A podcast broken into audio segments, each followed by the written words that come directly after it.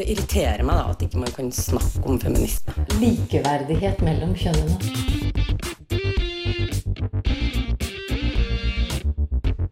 Det blikket på kvinnen på film. Det handlet det om å bli tatt på alvor som jente.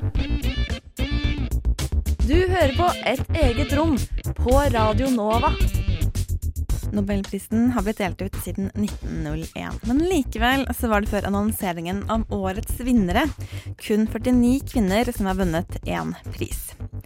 I dag så kan vi sette tre nye kvinnenavn på listen, i tillegg til at fredsprisen i år i særlig grad handler om kvinner.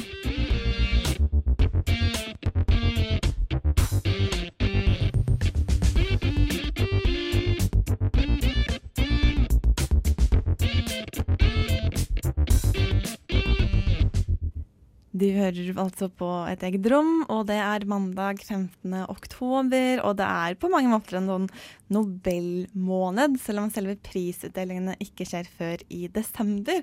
Og det må vi jo eh, selvfølgelig markere litt. Og de som skal gjøre det, det er meg, Linda Therese Rosenberg, sammen med Andrea Berg. Hallo, hallo. Eh, og det er jo mye å eh, ta tak i. Altså Vinnerne av nobelprisene ble avslørt de første dagene i oktober. Og det var jo faktisk flere ting å glede seg over. Det spiller veldig lurt, Andrea. Jeg vet Du har veldig lyst til å snakke om eh, særlig fredsprisen, og det er fredsprisen eh, vi skal snakke mest om eh, den neste timen. Beklager at mine ark blafrer litt nå i bakgrunnen. Og så skal vi ha noen avstikkere. Litt. Vi må nemlig snakke om vinneren, en av vinnerne av kjemiprisen og fysikkprisen. Eh, og så er det en eh, tidligere litteraturprisvinner vi også bare må snakke om i løpet av en sånn nobelprissending. Eh, og så har jeg gjort en litt sånn kort gjennomgang.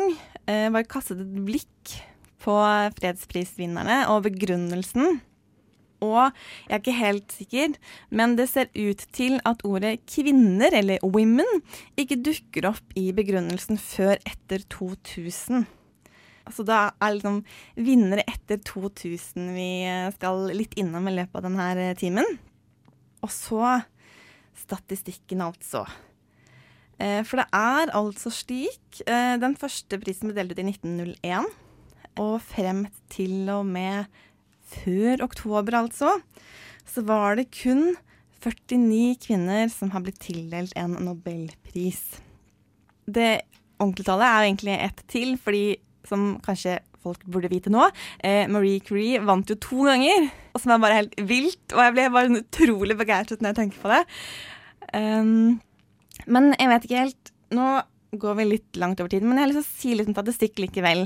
Andre, er du klar? Jeg er veldig klar. Eller må det ta oss inn igjen etterpå?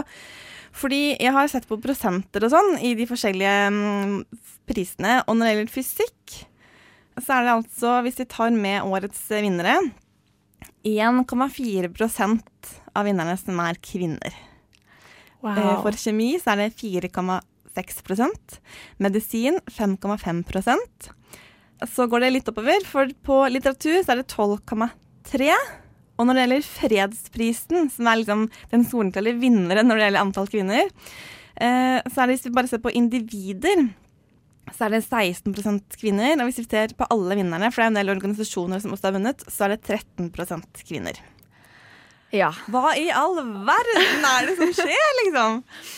Det er jo bare menn som kan redde oss, er det ikke det? Det er bare menn. Ja. Ja.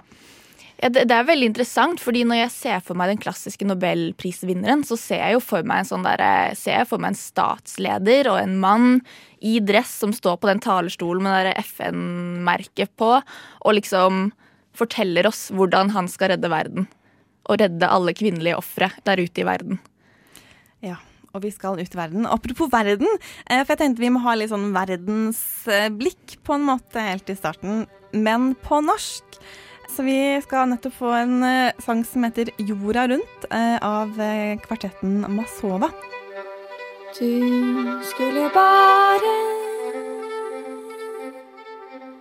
ligget ned på mitt fang. Jorda rundt hørte du der. Masova. Eh, norsk eh, Oslo-basert band. Dette er andre singelen deres, og debutalbumet det kommer senere i oktober. Og med en slik start så er det vel egentlig bare å, å hoppe i eh, fredsprisutdelinger og slike ting, Andrea. Du har sett litt på årets vinnere, så nå bare gir jeg deg ordet. Ja, Rett og slett. ja men takk for det.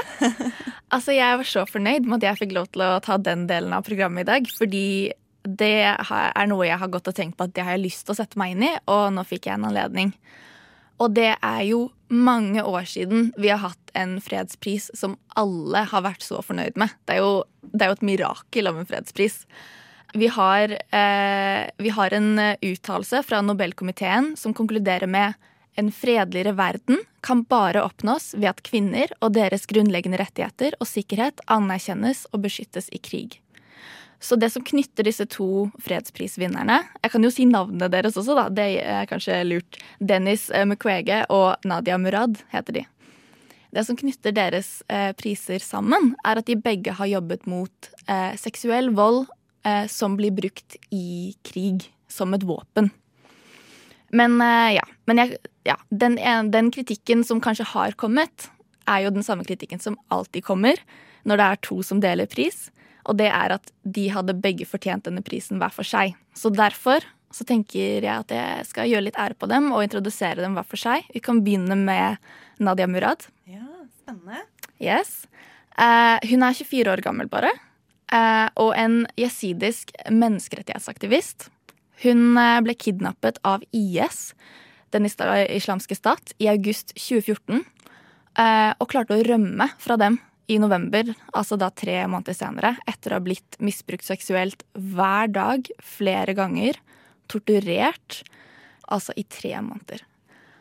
Uh, så det er jo en helt vanvittig overlevelse, uh, overlevelseshistorie her. Eh, og hun Altså, de angrepene som hun ble kidnappet i, var det største angrepet som IS har gjort på jesidiene i Nord-Irak. Og altså, hele bygder ble massakrert, inkludert seks av ni brødre til Murad og begge foreldrene hennes. Så det er en helt ekstrem historie. Men hun valgte da, etter å klare å flykte, å ta med seg den historien og gå offentlig med den. Bryte de ekstremt sterke tabuene som fins rundt eh, seksuell vold. Og bruke den historien til å liksom skape en åpenhet som har hjulpet eh, det internasjonale hjelps, eh, hjelpeorganisasjoner til å hente ut over 600 kvinner etter henne. Så det er jo en helt utrolig historie, men veldig tragisk. Det er anslått at 3000 jesidier har blitt utsatt for eh, lignende angrep som henne eh, av IS. Og eh, det, er, det er altså ingen tvil om at dette blir gjort planlagt, strategisk, eh, som et militært våpen mot denne religiøse minoriteten. Da. Vi har jo snakket om eh, dette med, med, med vold, voldtekt i krig før i et eget rom, og det er jo ikke bare IS som gjør det her. Altså, det er så utbredt og har blitt brukt nesten alltid, egentlig. Ja, Selv om man ikke har omtalt det på den måten eh, tidligere eller før sånn etter eh, det som skjedde på Balkan i 90-årene. Det var da man begynte å snakke om det, men det har jo alltid skjedd. Mm, det er sant. Og det har, vært, det har eh, nesten ikke vært noen eh, domfellelser eh, i FNs menneskerettighetsdomstol pga. dette. Selv om det er et av de vanligste og eldste krigsvåpnene som vi har. Så det er ganske sjokkerende, faktisk. Eh, jeg lurer på om den første dommen var eh, Rwanda.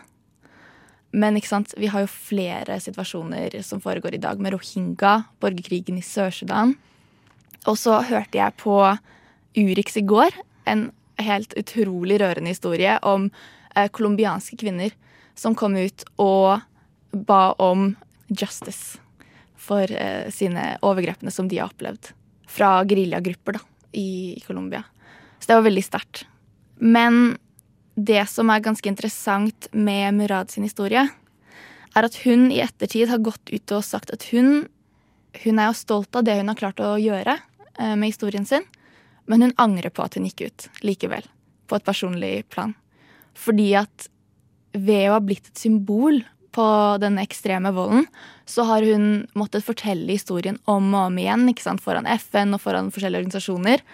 Og da hele tiden tenk, rippe opp i det, retraumatisere seg hele tiden. Og jeg bare, når vi tenker på hvor vanskelig det har vært for hvite, streite cis-kvinner i Norge å komme ut under metoo, da. Å komme ut med en sånn historie som er så ekstrem for henne. Jeg synes det er helt vanvittig, altså, at hun klarer det. Enda mer fortjent egentlig med denne prisen. Vi skal straks snakke om den andre vinneren av årets fredspris. Men først så skal vi til et fransk-kubansk tvillingpar, Lisa og Naomi, som har en miks av urban electrosoul, hiphop, jazz og afrikansk tradisjonsmusikk. Her er Exhibit Dias, eller Dias.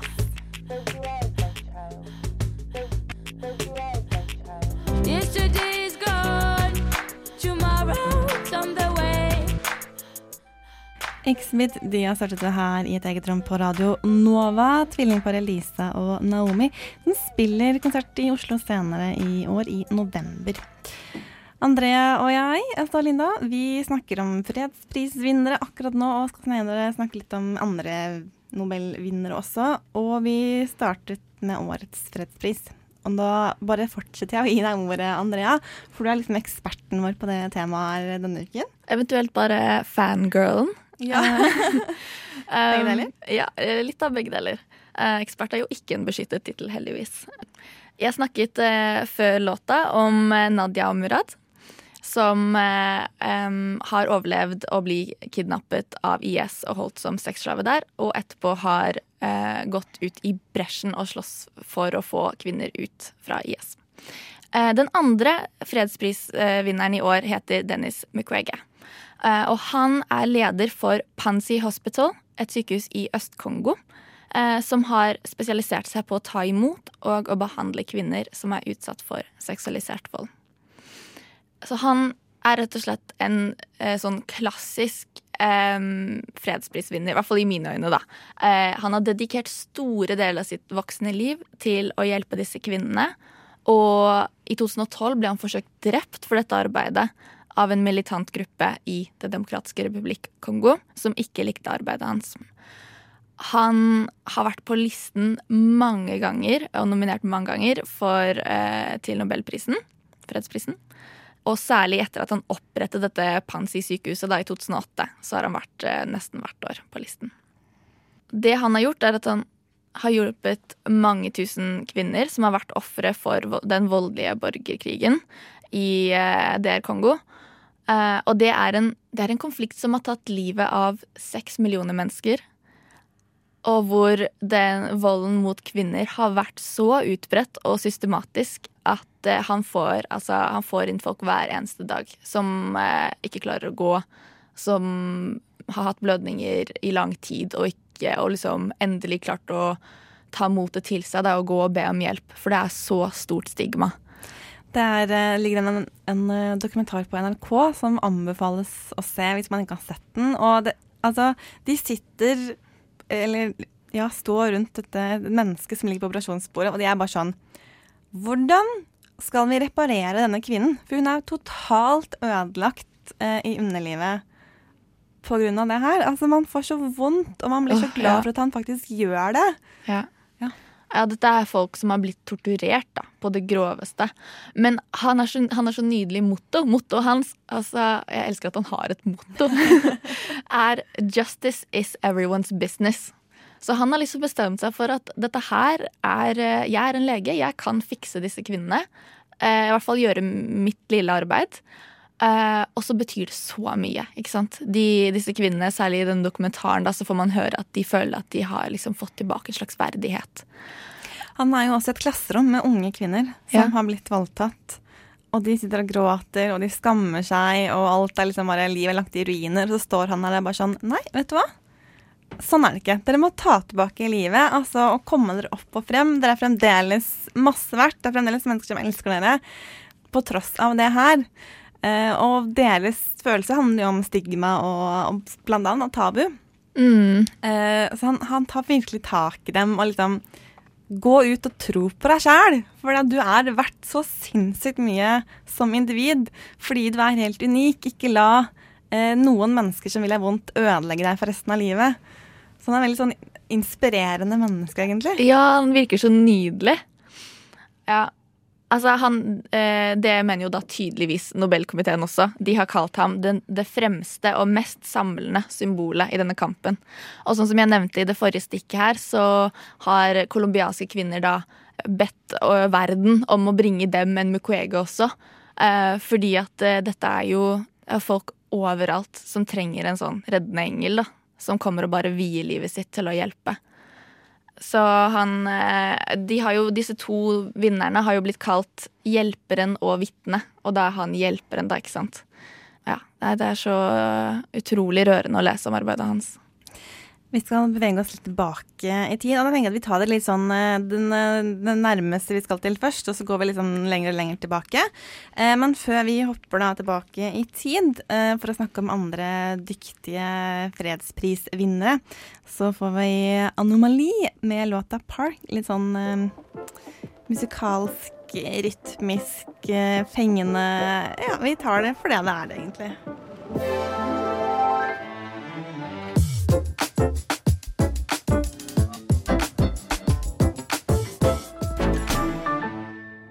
Anomali hørte du her i et eget rom på Radio Nova med Andrea og Linda, som nettopp har snakket om årets fredsprisvinnere.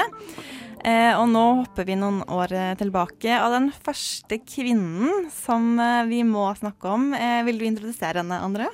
Og vi skal snakke om Malala Yousafzai.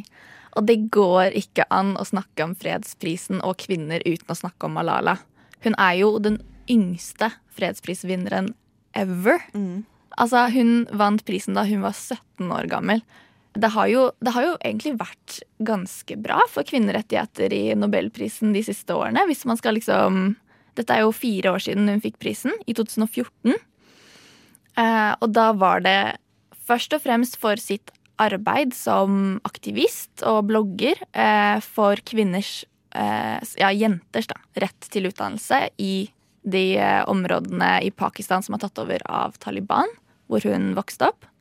Men kanskje grunnen til at hun fikk denne prisen, var jo at hun ble skutt av Taliban i en skolebuss på vei til skolen sammen med venninnene sine.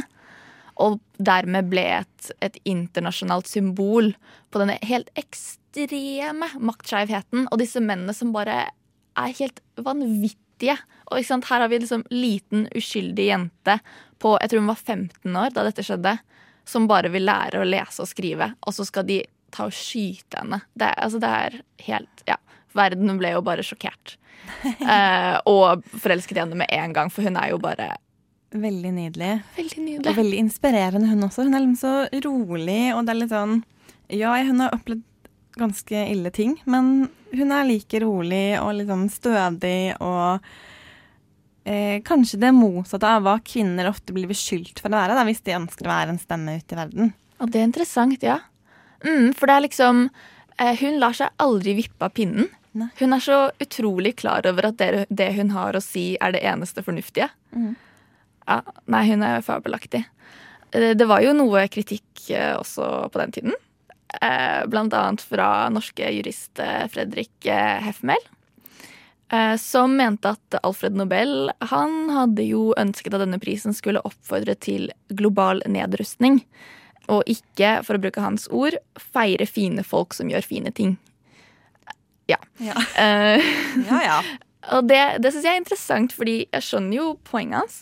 Eh, men ehm, jeg tenker at hvis du tror at fredsbygging bare handler om våpen og statsledere, og ikke om å involvere kvinner og gi kvinner utdannelse og muligheten til å innta maktposisjoner, da har du misforstått hva fred handler om, tenker jeg. Og så tenker jeg Noe av det som virkelig gjør denne prisen så sterk, er jo nettopp det at hun er så ung.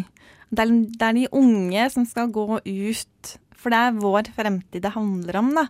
Så hvis ikke vi eh, kan bidra og si våre meninger i et sånn globalt perspektiv, som det hun har gjort eh, hele tiden siden hun ble skutt, da blir du i hvert fall ikke fred i verden, da.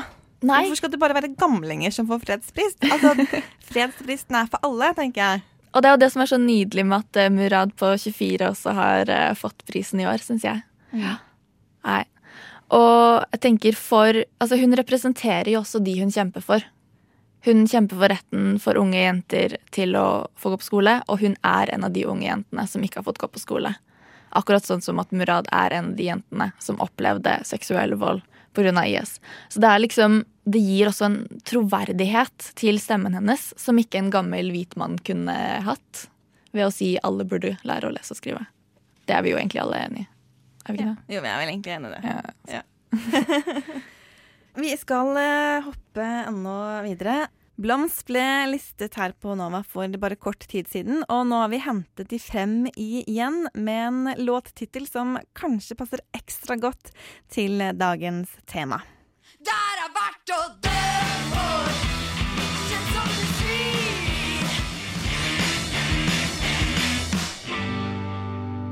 Det er verdt å dø for sangen Norske blomst. Litt sånn punkete her, og det er jo en perfekt sanning å ha en slik tittel eh, innbakt eh, i det hele. Det er sikkert veldig mange vinnere eh, og fredskjempere som eh, virkelig mm, kjemper med livet. Det må man vel kunne si. Eh, vi, må, vi skal gå enda lenger tilbake i tid. Eh, Jeg kan bare si en til. eh, ting. Fordi nå har vi snakket om to kvinner. Eh, og jeg nevnte helt, helt innledningsvis at eh, det er ikke så mange kvinner som har vunnet eh, fredsprisen, eller nobelpris i det hele tatt. Det er 42 kvinner, 52 som har vunnet. Nå nevnte vi altså to. Når vi kommer til 2011, så kommer det tre til kvinner. Eh, og enda senere i sending skal vi snakke om eh, tre nye kvinner. Så det er mye kvinner i den siste tiden. Det er jo én ting å tenke på. Men altså på kort tid, da. Veldig mange kvinner. Det er nyere tid hvor kvinner virkelig fyller opp um, kvota når det gjelder fredsprisen særlig. Det er litt som de har oppdaget kvinner. Ja, plutselig så er det masse kvinner ute i verden som jobber med fredsskaping, liksom. What? What? Men altså, i 2011, nå med alle styring på alle arkene mine, så nå blir det litt blaffig, beklager, så var det altså tre kvinner som vant. Og nå er jeg litt spent på hvordan jeg skal uttale alle navnene her. Men Leima Gbove og Ellen Johnson Thurleaf, de er fra Liberia. Eh, og der har det vært masse borgerkrig. Fra 1989 til 1997, og fra 1999 til 2003 så var det borgerkrig. Eh, og de har fått mye oppmerksomhet for deres ikke-voldelige kamp for kvinners sikkerhet. Og deres rett til full deltakelse i fredsbyggende arbeid, sammen med Takwakul Karman fra Jemen. Eh, og disse fra Liberia, Leima Gebove, hun startet fredsbevegelsen Women in Peacebuilding Network. Og hun tok også initiativ til en egen sånn eh, massefredelig demonstrasjonsbevegelse, mer eller mindre. Hvor hun eh, med den bevegelsen prøvde å presse frem en fredsavtale. Og ikke bare det, men hun klarte å, samle kvinner fra ulike religioner. Eh, for det er jo slik i verden at ulike religionsgrupper de har en tendens til ikke å være så enige alltid. I hvert fall ikke i samme land hvor det har vært en borgerkrig. Men hun samler liksom alle slags etnisiteter og religiøse kvinner. Og så hadde de liksom masse demonstrasjoner og ikke-voldelige demonstrasjoner for å få politikere til å snakke sammen og lage en fredsavtale. Som er jo veldig imponerende at hun fikk det til. Eh, Ellen Johnson eh, Sirleaf hun var også med i dette arbeidet her, og hun ble i 2005 Afrikas første demokratisk valgte kvinnelige statsleder. Wow. Som et resultat av det de gjorde sammen med disse massedemonstrasjonene. Eh, og da hun var en av de tre vinnerne i 2011, så skrev Nobelkomiteen at hun i sin presidentperiode bidro til å fremme økonomisk og sosial utvikling i landet, styrke kvinners stilling og sikre da fred etter borgerkrigen. Eh, ganske imponerende arbeid fra to kvinner i et veldig sånn krigsherjet land over lang, lang tid. Eh, og når man liksom har hatt nesten ti år med borgerkrig, og så tror man at nå har man landet en fred. Altså, nei, det går bare to år, og så er man på igjen, på en måte. Ja. Så veldig imponerende. er sånn ut- Utrolig sånn eh, Hva heter det når man ikke gir opp? Ja. Bare fortsetter og fortsetter. Stå-på-vilje. Stå-på-vilje. Eh, Karman fra Jemen, hun eh, Da hun vant, så var hun eh, da, på det tidspunktet i 2011, den yngste eh, vinneren. Nå vet vi at eh, noen andre tok den en få år etterpå. Eh, slo den rekorden. Eh, hun er en journalist som har jobbet med Altså via journalist, da, så har hun jobbet for å styrke kvinners rettigheter og menneskerettigheter. Og har dannet flere sånne journalistnettverk for at særlig kvinner skal få lov til å ha ytringsfrihet og uttrykke sine meninger uten å bli rettsforfulgt for det. Det er hennes bidrag, egentlig. Og det er, hun er den tredje journalisten som har vunnet uh, en fredspris. De har, altså det, det sier noe om hvor viktig det er med journalistikk i et demokrati, da. Eh, Det er jo ofte de som blir forfulgt. Vi har jo hatt to episoder nå bare den siste uken. ja. Både med den saudiarabiske ambassaden og Var det i Bulgaria den siste mm. var nå? Ja. Og det var jo også en kvinne som ble voldtatt, da. Og ja, nei, det er jo helt forferdelig hvordan, eh, hvordan journalister blir liksom Man går etter dem for å slukne kritikken fra en hel befolkning, da. Fordi det er de som blir talerøret for misnøyen. Oh, yeah, my, my point. Feminism is not about being better than men. Is it? Et eget rom prøver å finne ut hvor mye feminisme egentlig kan være. Hver mandag på Radio Nova.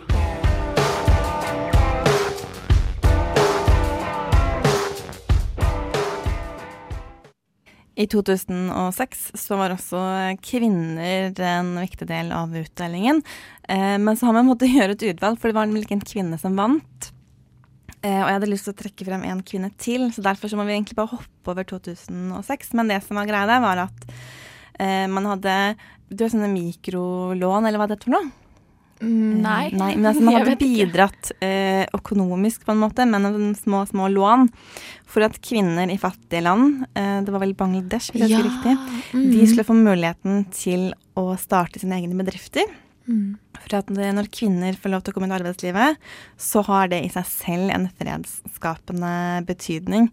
Fordi de tjener sine egne penger, og alt skjer, liksom. Det har sånne utrolig store ringvirkninger. Så det var årsaken til prisutdelingen i 2006. Eh, Så heia de organisasjonene som jobber med det. Men i 2003, som er første gangen som jeg fant ut at ordet 'women' eh, dukker opp i begrunnelsen, da vant Shirin Ebadi. Hun er iransk jurist. Og hun vant for sin innsats for demokrati og menneskerettigheter. Eh, og hun har jobbet masse for k rettighetene til kvinner og barn i Iran. Eh, og her er det måte, noe av det som gjør at hun er bare utrolig kul. Hun er den første muslimske kvinnen som mottok fredsprisen. Hun var Irans første kvinnelige dommer frem til 1979, da revolusjonen kom og disse religiøse lederne fant ut at nei, men eh, eh, islam eh, tillater ikke kvinnelige dommere, så sorry, liksom. Du får ikke lov til å være kvinnelig dommer lenger. Eller dommer lenger. Vår islam, i hvert fall. Vår islam, i hvert fall, ja. Men hun var i hvert fall Irans første kvinnelige dommer, og sikkert et forbilde for ekstremt mange kvinner i den delen av verden. Og noe av det hun har gjort, da, det er altså En ting er at hun har jobbet med, med kvinner, men hun har etablert et krisesenter for barn. Fordi eh, mishandling av barn er faktisk et reelt problem i Iran. Og i tillegg så ble, eh, skrev hun et utkast til en lov som forbyr fysisk vold mot barn, og som ble vedtatt i parlamentet i 2002. Hun har også skrevet utkast til en lov om kvinners rettigheter ved skilsmisse. Den har ikke blitt vedtatt, da man kanskje kan ja. Ja. Ja, ikke så overraskende det, egentlig. Nei. Eh, men Iran er på plass 140 av 144 land når det gjelder inkludering av kvinner i arbeidslivet. Det er også en ting som hun har jobbet mye med. Eller rett og slett kvinners rettigheter.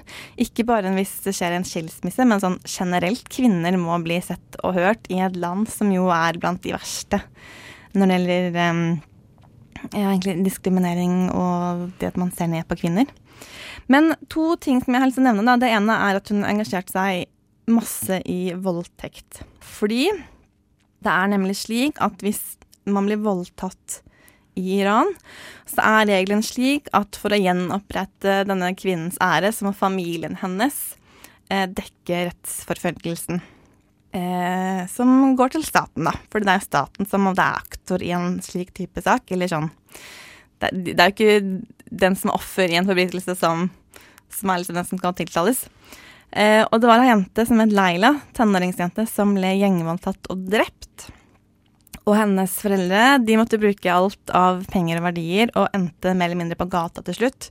Fordi at de måtte dekke disse rettsutgiftene.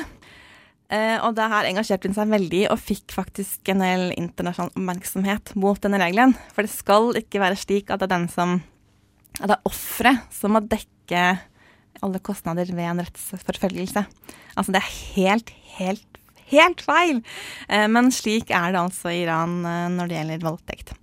Også en annen ting som har eh, engasjert seg veldig i, det er nok en gang dette med, med barn og barns rettigheter ved Mishandling, ja. Fordi det er slik at hvis det skjer en skilsmisse, det er ikke så veldig vanlig, så er det mannen som får ansvaret for barnet. Selv om det kan være mistanke om at mannen da kan være en mishandler.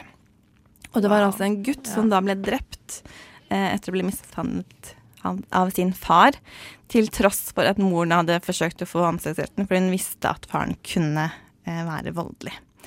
Så all takk til Shirin Badi for hennes eh, innsats eh, når det gjelder eh, rettigheter til barn og kvinner. Eh, og hun eh, lever jo nå ikke i Iran lenger, for det tør hun ikke.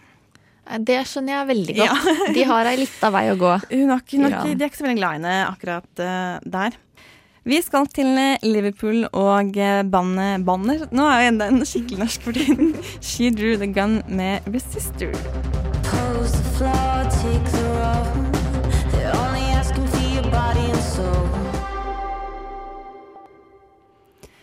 Stå opp for deg selv og ikke ta rettighetene dine for gitt. Det er poenget til Louisa og hennes band She Drew The Gun med låta Resister, som du hørte her i et eget eh, rom.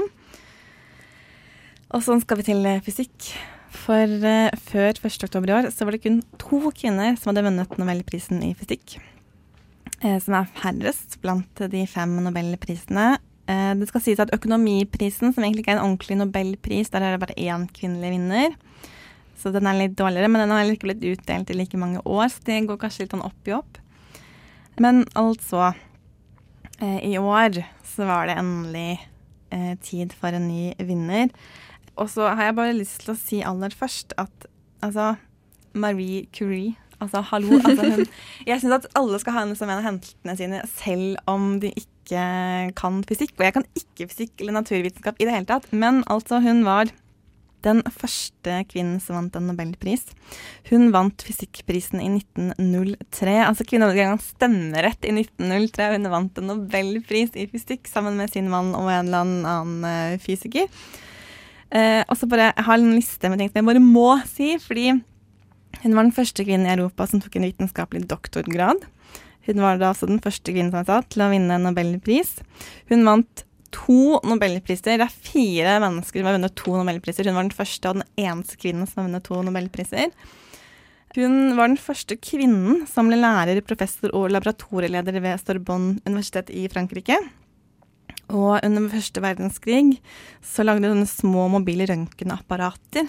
Eh, og lærte kvinner til å kjøre rundt til fronten for å ta røntgen av soldater, slik at man kunne lettere behandle de eh, bedre. For eh, hun er jo de som eh, Hun er den som oppdaget klarte å skille ut radium, og har jobbet med radioaktivitet og liksom, det viktigste videre til kreftbehandlinger, eller i hvert fall en av de viktigste. Så helt vanvittig. Hun var den første da i 1903, og i 2018 så er det da kvinne nummer tre som vinner fysikkprisen, som er helt sjukt. Donna Strickland. Sist gang det skjedde, det var 1963, altså for 55 år siden, så det, de henger ganske langt etter. Det som er ganske kult, er at det her ble annonsert dagen etter at en italiensk fysiker ble suspendert fra en stilling ved forskningssenteret CERN for å ha sagt at fysikk det ble oppfunnet og ble bygget opp av menn.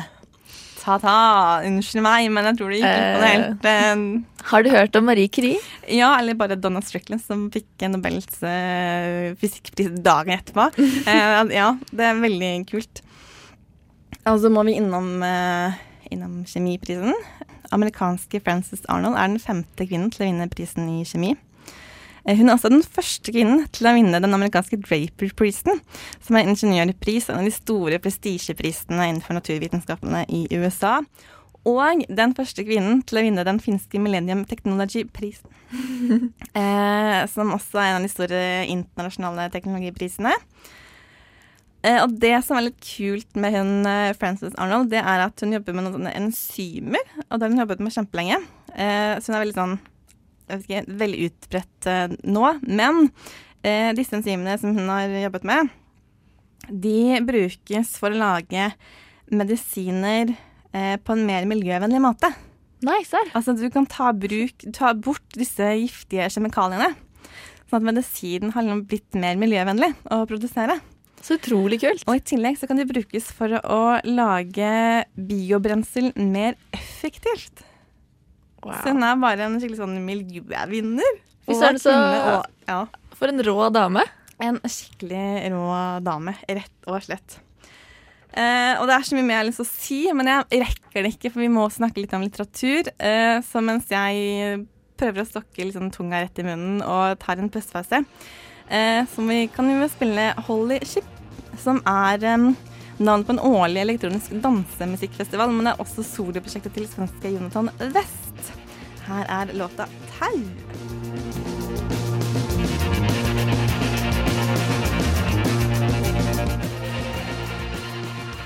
Svenske Holy Chip fikk du der med låta Tau. Eh, Linda og Andrea er de som snakker litt eget om denne mandagen, og da om nobelprisvinnere. Og nå skal vi på en måte holde oss til litt sånn eh, krigstematikk, men på litteraturens uh, område. For i 2015 så vant ukrainske Svetlane Svetlana Aleksijevitsj eh, litteraturprisen.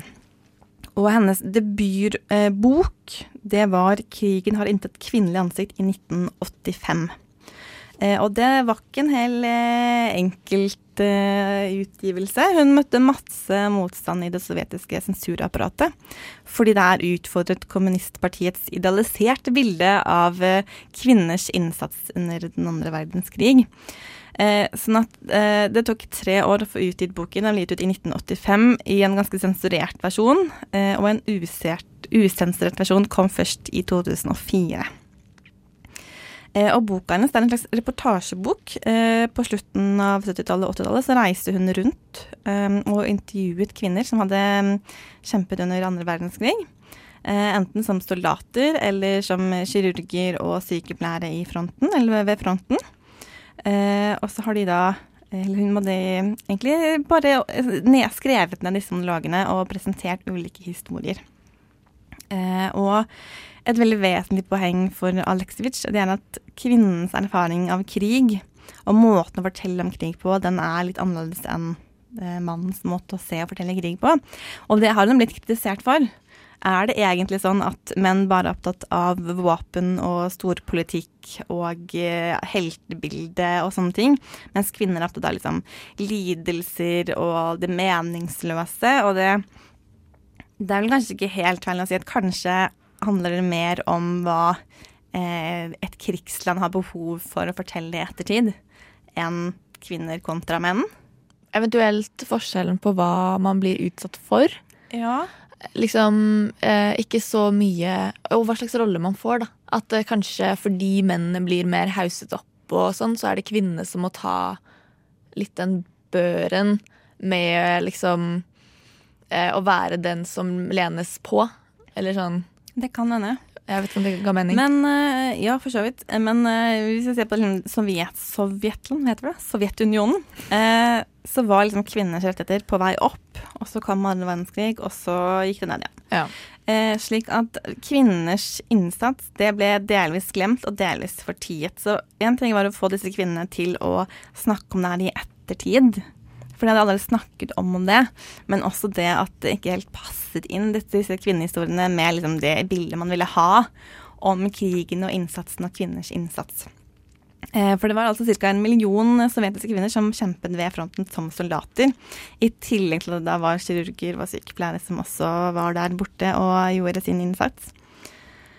Eh, og hun beskriver både hva de gjorde sånn generelt, men også litt mer sånn trivielle ting. Jeg hadde boken med meg, men den var dessverre ikke tilgjengelig på biblioteket. Men blant annet er det flere som skildrer dette ut, utfordringen med å være kvinne i en uniform laget for menn.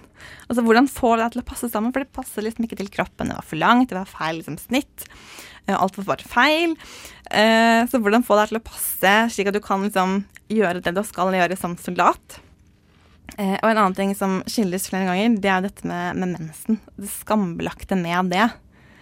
Eh, å få tak i materialer som du kan liksom bruke for at det her skal holde seg på plass. Eh, hva skjer du Altså, hvis du blør igjennom, da, og måtte gå liksom til en leder og si sånn Du, jeg må ha en ny bukse. Fordi eh, det bare må jeg ha. Altså, Wow. ja, skam og tabu rundt det. Eh, men også så Noen av de er litt inn sånn derre eh, Rett og slett metoo-greier. Eh, Av skadede, døende menn som er litt sånn Å, kan jeg ikke bare La oss ha sex, eller la meg få se på puppene dine, for det er liksom Det er kanskje Nå dør jeg, liksom. Eh, så hun har også fått kritikk for at hun ikke problematiserer den tingen mer, da, eller nevner det mer, at det blir liksom borte. Men jeg tror at for hennes del så handler det mer om at det her er eh, hennes intervjuobjekters historie. Det er ikke hun som skal sitte her og problem- problematisere trakassering i militæret i krig. Det er ikke det som er eh, poenget. Så anbefales eh, å lese den eh, boken. Det var ikke den spesifikt hun vant Nobelprisen for i litteratur, men det er jo en del av forfatterskapet hennes som virkelig har eh, har kommet ut og, og vandret internasjonalt. Så absolutt verdt uh, å ta en nærmere titt på. Sliten og sinna og lei. Nå vil vi synge ei vise til deg om at kvinner kan si fra, protestere og slåss. Bli med hos oss. Du hører på Et eget rom. Likestilling kommer ikke av seg selv.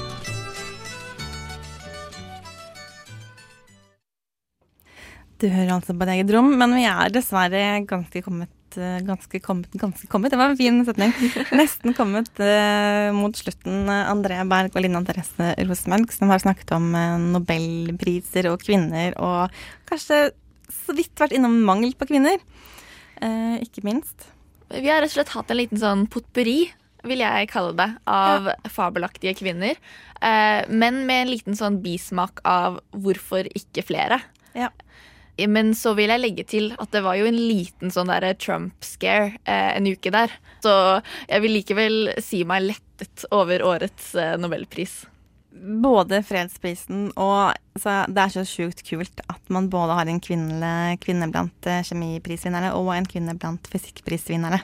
Ja, Tenk hva det kommer til å ha å si for kvinner som studerer disse fagene. Ja, særlig siden det er veldig få, særlig i fysikk, veldig få kvinner. Å, nå glemte! Og jeg må si en ting til før vi slutter. Fordi Donna Strickland, som er en av da fysikkprisvinnerne, i mai så skrev noen et utkast til en Wikipedia-artikkel. Eh, og for å måtte være viktig nok, så må du ha fått en del medieoppmerksomhet, du har måttet vunnet priser og publisert mye. Og da var det en eller annen som holder på med Wikipedia, som mente at nei, hun var ikke viktig nok. Så denne artikkelen ble altså slettet. Er det sant? Og det her var i mai i år, og da i oktober, altså den måneden vi er i nå, så er hun da vinner av fysikkprisen. Eh, Som er kanskje en av de Altså Nobelprisen er noen av de mest prestisjetunge prisene i verden. Så sånn kan det gå, dere. Serves them right. Yes!